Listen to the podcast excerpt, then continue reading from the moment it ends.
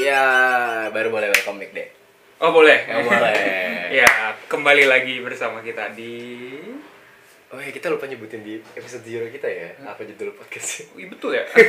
Iya jadi ini judulnya eh apa tadi? Astrodev. Astrodev. Oke Astrodev. Kenapa? Eh tadi udah udah belum sih? Hmm? Belum ya kita belum sempat nyebutin Astrodev ya.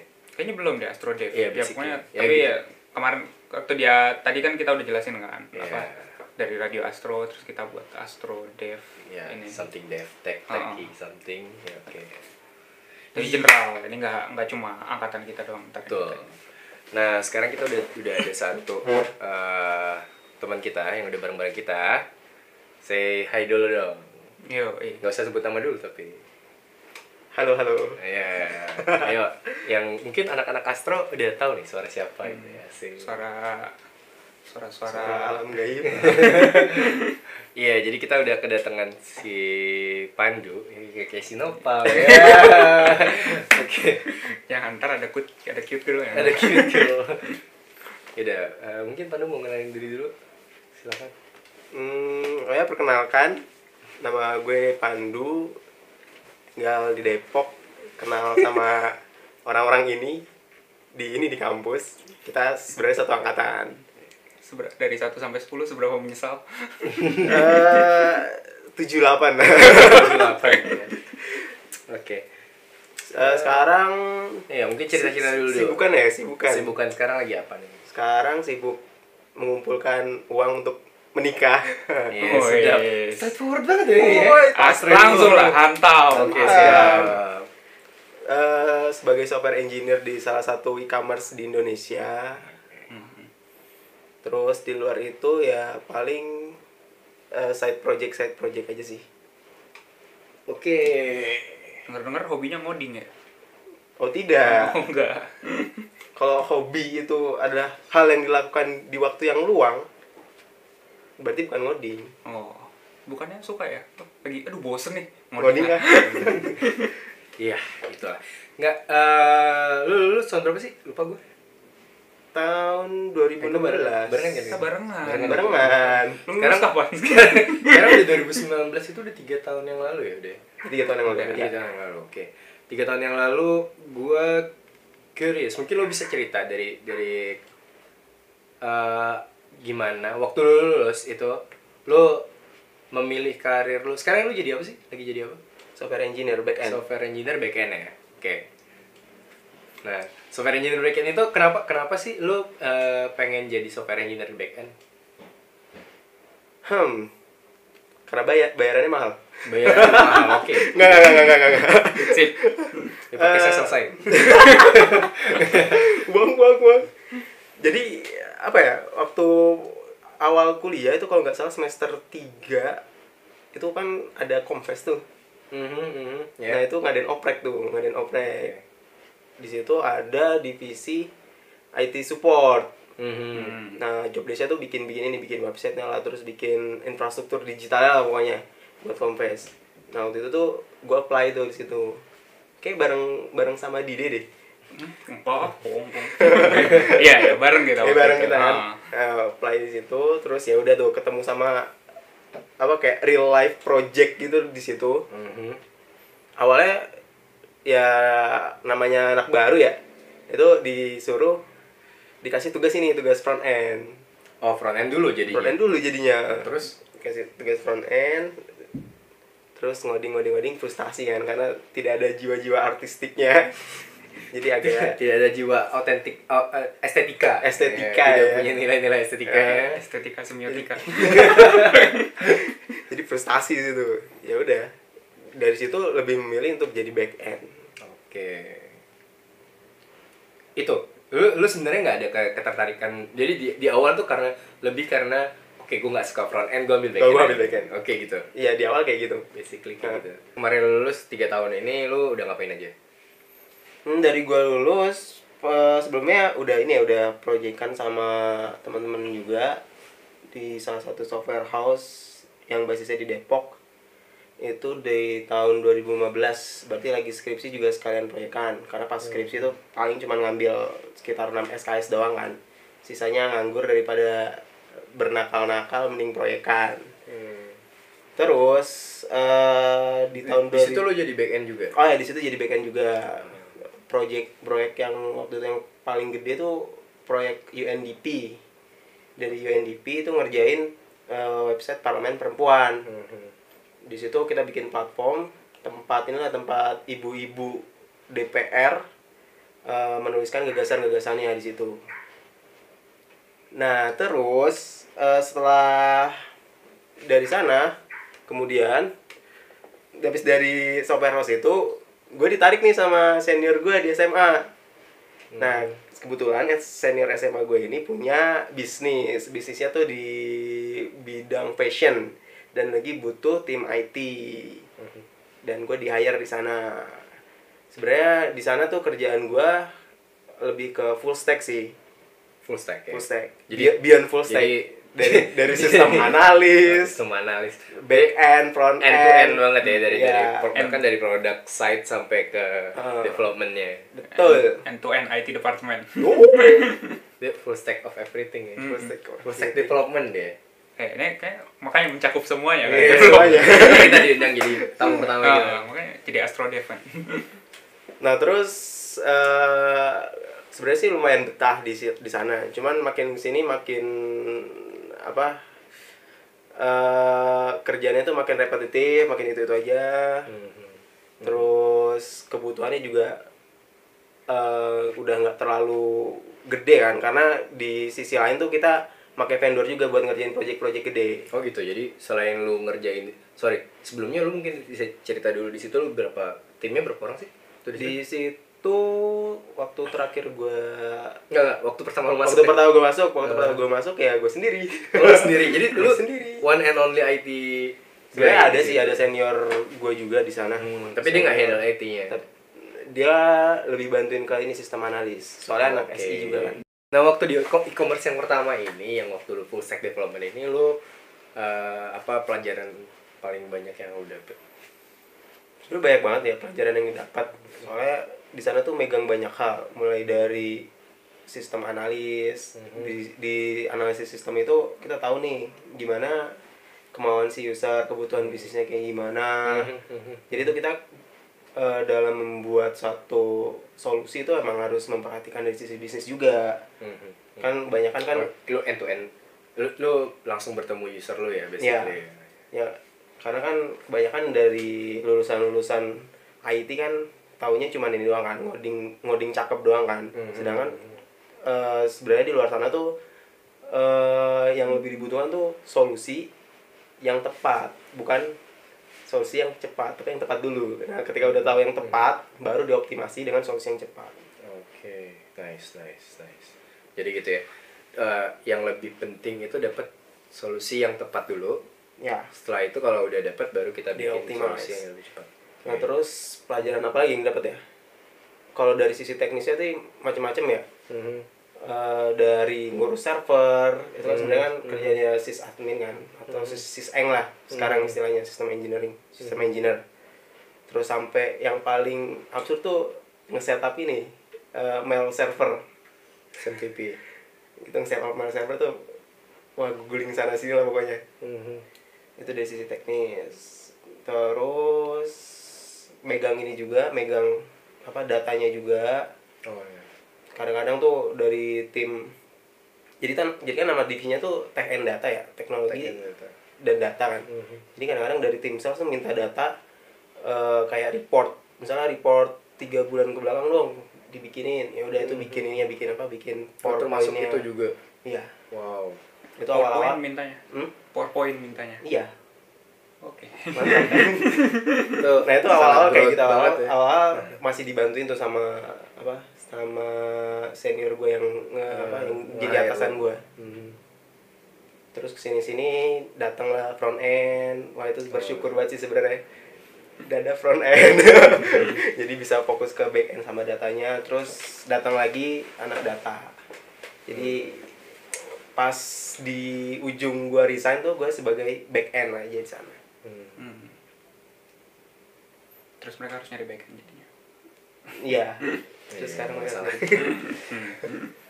Eh, terus eh, sekarang lu eh berarti ini tadi kan company pertama sebenarnya. Iya. Terus lu move ke company kedua. Company Iya, kedua itu company. gimana? Lu mau Kalau- cerita dikit dulu? Eh, maksud gua ya gimana kondisinya? Masuknya gimana ini? Kalau yang company yang sekarang itu e-commerce yang emang dia platform kan. Jadi Hmm. emang fokusnya di teknologi kan. Oke, kalau sebelumnya itu lebih ke B2C yang jualan ke Ah. customer langsung. Kalau yang kedua ini lebih ke platformnya.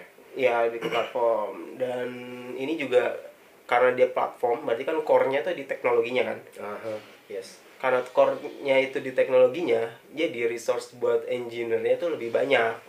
Oke. Jadi nggak terbatas kayak yang di company sebelumnya. Mhm. Nah, karena engineer-nya banyak, jadi satu engineer tuh fokus dalam satu hal aja. Mhm. Mhm. Terus di sini juga lu tetap jadi back end engineer. Di sini tetap jadi back end. Kalau- Iya. dan malah beneran baru beneran jadi back end engineer Iya. di sini. beneran jadi back end aja di sini. Oke. Kalau daily sih berhubungan sama ini sama ISO based API. Pokoknya yang ISO buat based. financial financial tuh dia pakai ISO. Oke. Jadi biasanya kita kenalnya JSON REST API, ini pakai ISO itu kayak apa ya kayak baris data, baris string yang digit ke sekian sampai sekian itu merepresentasikan apa, digit sekian sampai sekian itu merepres- merepresentasikan apa. Jadi kita bikin parsernya sendiri kita potong-potong. Hmm. Dan itu yang dipakai di finansial. Itu standarnya finansial. Jadi kalau misalnya masuk banking nih, Mhm. itu lo pasti ketemu itu. Oke. Oke oke. Terus s- eh, ini dulu sebelum sebelum lu sebelum kita jauh kemana-mana gue sebenarnya tadi curious dulu sih kalau menurut lu kalau dijelasin dalam satu kalimat back end engineer tuh apa sih? backend engineer itu yang apa yang bikin otaknya sistem sebenarnya Oke otaknya Hmm. sistem. Ya ka- kalau buat orang awam nih otaknya sistem tuh apa aja sih? otaknya itu otaknya kalau otak ya itu sebenarnya kalau kita simplify Aha. itu dia tuh cuman menerima menerima input Aha. dan menghasilkan output Aha, oke. Jadi basically kalau ada ada suatu produk gitu, dia mendapat input eh, apa, terus reaksi dia apa gitu. Jadi Ya. yang menentukan eh, hasil feedbacknya apa gitu gitu. ya betul betul betul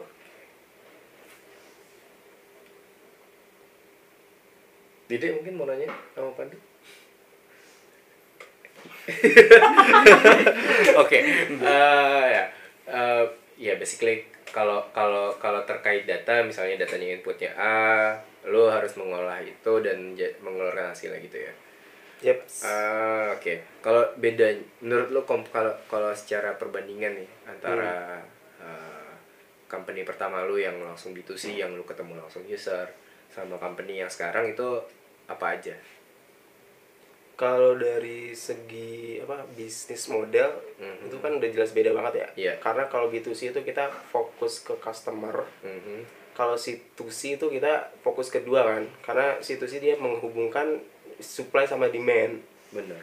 kita fokus kedua itu udah beda banget jadi problemnya lebih kompleks terus eh, hal-hal yang teknologi yang dibutuhkan juga lebih kompleks karena kalau yang sekarang nih trafficnya itu udah cukup gede Mhm. jadi once lo bikin sistem itu tuh lo harus udah proof sistem lo tuh stable buat traffic gede Agree, agree. Iya, dan kalau misalnya terjadi kesalahan sedikit pun, itu lossnya gede, sekali gede. Mhm, mhm.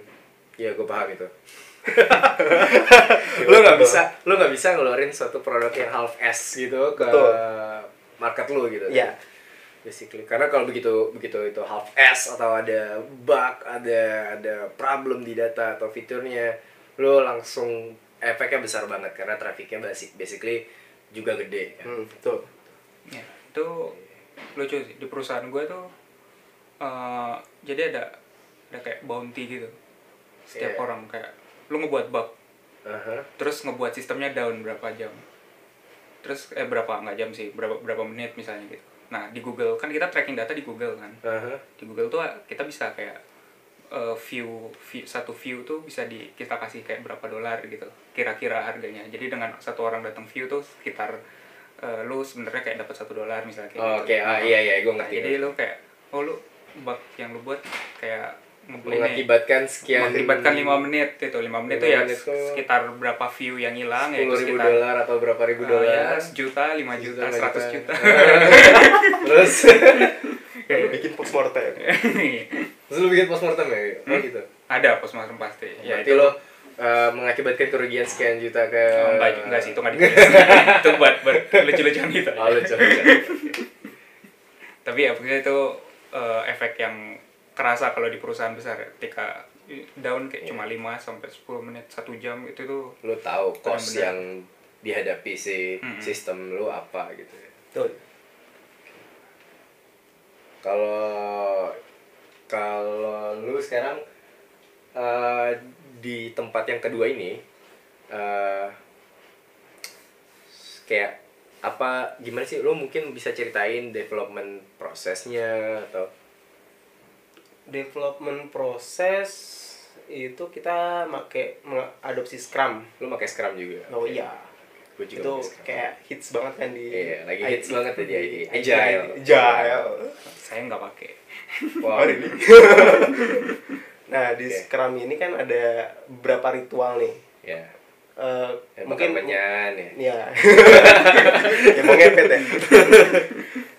Mungkin di ini dijelasin dulu eh dari ini ya, dari periodnya. Jadi di Scrum itu ada yang namanya sprint. Mhm. Dan satu sprint itu kalau di company yang sekarang nih, Mhm. satu sprint itu dua pekan. Jadi 10 hari kerja lah. Oke. Nah, nah, di dalam dua pekan satu cycle itu, dua pekan itu, itu ada beberapa ritual. Mhm. Yang pertama marketplace. Nah, marketplace ini dia tuh kayak ngelis semua apa semua hal yang pengen dilakukan di sprint depan. Mhm. Terus kita scoring nih. Scoring berdasarkan kompleksitinya. Ini dilakukan sama semua anggota tim development lo. Ya, ini sa- dilakukan sama semua anggota. Oh ya, anggota development itu eh, tim komplit ya. Mulai dari product manager, Mhm. terus ada back end, front end, So basically hacker, Apps. hipster, hustlernya Iya. semuanya lengkap. semuanya lengkap harus. harus ada di situ. Dan di situ kita di marketplace itu kita scoring. Nah, habis scoring, Mm-hmm. Nih kalau boleh tahu scoringnya lo nentuin based on eh, apa gitu Eh, story point kah atau ske- kalau umum secara umum sekarang kan story point ya. ya story point. Kalau story point. lo nentuinnya story point. ya Oh, kalau story point lo eh, satu story point tuh meaning apa di lo? oh di situ tuh kita punya mappingnya sendiri sih. Oh gitu. Kayak misalnya eh, satu story point itu kayak cuman ganti kopi. Kayak misalnya ngeubah apa gitu. Tulisan. Tulisan, ngubah tulisan. Mhm. Kalau misalnya 5 story point misalnya itu kayak bikin channel baru. Misalnya kon- Channel API baru. channel gitu. Uh-huh. API, API baru. Aha, Kalau misalnya 15 story point misalnya itu kayak connect ke partner baru kayak gitu. Oke. oke. Kita lihat dari kompleksitinya sih. Jadi Kita lu, punya mapping lu sendiri. udah punya standar tersendiri untuk tas-tas yang ada di ya. eh, yang kemungkinan ada di dalam sto- story-nya sendiri ya. Ya, dan mappingnya itu berdasarkan ini sih berdasarkan eh, story-story yang udah kita lakukan sebelumnya. Mhm. Oke. Kalau terus dari marketplace Dari market marketplace kan kita, kita udah ini udah setuju sama story ya point-nya. udah setuju sama story pointnya. Oke. Habis itu kita sprint planning. Aha. Sprint kan dalam satu sprint kan kita nggak mungkin kan masukin semua yang ada di marketplace. Itu tuh kita pilih-pilih dulu. Oke. Marketplace ini sti- di setiap sprint ada? Di setiap sprint ada. Oh, gitu. Mhm. Oke. Eh, misalnya di marketplace ternyata pas kita total story point kita tuh eh, misalnya 50 Mhm. tapi kapasitas dari tim kita sendiri itu misalnya cuman 30 30 story point Lo nentuin kapasitas dari tim lo pakai istilahnya satu orang itu berapa atau gimana? itu kita lihat ini sih lihat secara keseluruhan dulu secara, tim keseluruhan dulu. Iya, secara tim itu kan kita kan ada datanya kan dari s- dari sprint sprint sebelumnya kan Hmm. dari sprint sprint sebelumnya yang done itu berapa Mhm. terus yang nyangkut itu berapa itu ketahuan Oke. jadi kita bisa ngukur nih s- eh, kira-kira story point kapasitas story point kita tuh berapa Mhm. Oke oke oke oke. Nah, dari situ pas sprint planning itu dipilih-pilih. Nah, di sini ada anak produk juga kan yang bisa menentukan prioritas mana kan. Betul. Misalnya eh story A itu critical nih buat produk. Ya udah berarti kita masukin dulu. Mhm. Nah, itu sampai memenuhi kapasitas story point per sprint kita. Oke oke oke. Nah setelah sprint planning, habis itu start sprint deh. Start sprint, development berjalan, di dailynya itu kita ada stand up, daily stand up. Daily stand up ini eh, lebih ke kayak ini sih, kayak update current condition, ada masalah atau enggak, terus ada yang bisa dibantu dari dari apa orang yang orang lain atau enggak, Mhm. tim produk bisa bantu apa kayak gitu. Mhm, mhm. Terus setelah development satu sprint berjalan, kita ada namanya retro, retrospektif. Retrospektif ini dia tempat kita nge-look up apa yang terjadi di sprint sekarang, sprint yang udah kita lakukan, hal apa aja. Terus kita eh, ini sih, kita ngenilai sih di sprint ini tuh menyenangkan atau enggak, terus apa yang bisa diperbaiki, ada pertanyaan-pertanyaan atau enggak terkait sprint yang- yang sebelumnya kita Ya jadi mungkin lo bisa cerita du- kalau sekarang lo di timnya ada berapa orang dulu ya? kalau tim gue sendiri tuh ada 13 orang Eh, dari back endnya tuh ada tiga eh ada lima Lima. dari front endnya ada dua terus appsnya apps kan ada android Lain ios ya? kan Ya. itu masing-masing satu Oh, jadi terus ada qa nya juga 10 plus 1 ki ya. 100. 10 5 3 2 5 32 plus 1 ki. 5 Plus E, 1 ki 1 APM 1 32 PM. ya ha. Oke. Ya benar 13. Oh, Oke, berarti lo ngelakuin si proses Scrum itu sama mereka. Terus deployment lo juga melakukan. Nggak, deployment itu tanggung jawab back end tanggung jawab mereka. back end yang ngedevelop fiturnya Oh, jadi per per yang ngedevelop fiturnya. Uh-huh. Hmm, misalnya gue nih ngedevelop fitur A nih Aha. ya gue bakal ngejaga fitur A itu dari development sampai dia ke production Oke. Oh, ya, yang nge-merge itu basically Gua karena lo basically karena lo ngerjainnya di web, jadi lo bisa deploy kapan aja dong ya. Maksudnya nggak se-strict ketika lo apps kan eh, karena gue pengalaman ngedevelop beberapa apps tuh kan lo punya risk di mana kalau lo nge- ngerilis sesuatu usernya nggak install terus dia nggak mendapatkan versi terbarunya jadinya nggak nggak Hmm, hmm, hmm. sinkron. ya kalau gue kan back end kan ya Aha. Iya, Oh, iya. lu deploy back end. deploy ya, back end jadi basically. Oke. ya bisa kapanpun servernya. Oke, make sense sih, make sense. itu yang ngebuat pipeline deploymentnya juga Eh, kalian itu atau ada tim DevOps sendiri kan di kalau di company gue makanya microservice kan ya Jadi Mhm. pipeline itu tuh di define ketika microservice baru dibuat jadi ma- microservice baru ini nih baru dibuat terus baru deployment awal itu nge apa ngebuat pipeline itu di situ pipeline itu pakai pakai ini pakai pakai CI CI gitu kan ya Mm-mm. Iya. itu kalian juga yang buat itu ya bagiannya juga yang buat tapi dari tim core-nya itu udah nyediain ini template sih Hmm. kayak harus ada Oh, ini ini di ini core. harus ada testing terus di tengah tuh ada harus ada migration harus ada apa harus ada apa kayak gitu Mhm. oh tapi secara teknikalnya enggak ya ya jadi benar-benar kalian semua Hmm. apa dari timnya dari masing-masing timnya masing-masing Di company lu sekarang udah, udah berapa lama sih? sekitar tujuh bulan kalau nggak Tujuh salah. bulan ya, udah Iya. tujuh bulan ini Tujuh bulan ini eh, Lu udah Kayak Apa aja yang Lu, lu pelajari baru banget yang pelajari baru banget unit testing Ini testing ya di company yang lama kan kayak bodoh amat kan sama unit testing kan ya kayak basically yang pertama itu langsung startup Langsung banget startup startup banget banget lah lah. ya startup Hmm. banget lah ya jadi yang penting jalan yang penting jalan dulu jalan Ah. dulu baru reaktif terhadap si misalnya Betul. Kan debug apa gitu ya karena pun kalau misalnya terjadi error juga lossnya tuh nggak gede-gede banget kayak tadi kan yang dia Iya. awal gue bilang kan bener kalau sekarang kan ya harus mau nggak mau harus ada unit testing buat nge-prevent bug-bug yang nggak kita mau Mhm.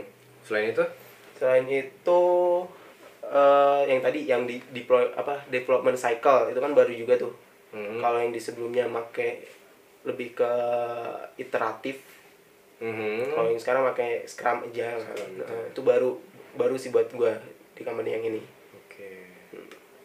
paling dua hal itu sih yang paling ngena sih di gua Ngebedain banget ya di antara dua company itu. Oke, cool. Kalau rencana kedepannya nih, lu ada ada rencana apa gitu selain nikah ya? Oh iya, Eh, I don't know. Oh ya, mungkin ini sih. Eh, kalau di tempat lu sekarang tuh ada ada ada semacam career path yang jelas atau ah, lu punya rencana apa terhadap itu atau gimana mungkin Kalau di company yang sekarang sebenarnya jelas sih karir petnya. Hmm. Kalau dari engineer ya itu masuk jadi junior, junior engineer. Terus ada medior, medior Hmm. tuh tengah-tengah. Terus ada senior. Mhm. Terus setelah senior ini ada dua nih, ada dua cabang nih. Mhm. Lo mau jadi eh, IM, engineering manager Mhm. atau VP? atau dari Ya. atau jadi expert. expert Kalau yang engineering man- manager tuh lebih ke ini Oh, managerial ya, people Iya, ya. ke people. Kalau yang Oke. expert tuh lebih ke teknisnya. Oke, oke, oke. Terus lu kalau kalau dari lu sendiri aspirasi lu aspirasi lu terhadap terhadap si karir pet itu lu bakal kira-kira ngeplan lima tahun lagi atau berapa tahun lagi lu melihat diri lu di engineering manager kah atau lebih ke expert? Kalau gue sendiri sih kayak lebih ke pengennya sih pengen jadi ini ya ke yang expert ya. Expert. Soalnya Kenapa tuh? apa ya berhubungan dengan orang tuh menguras banyak energi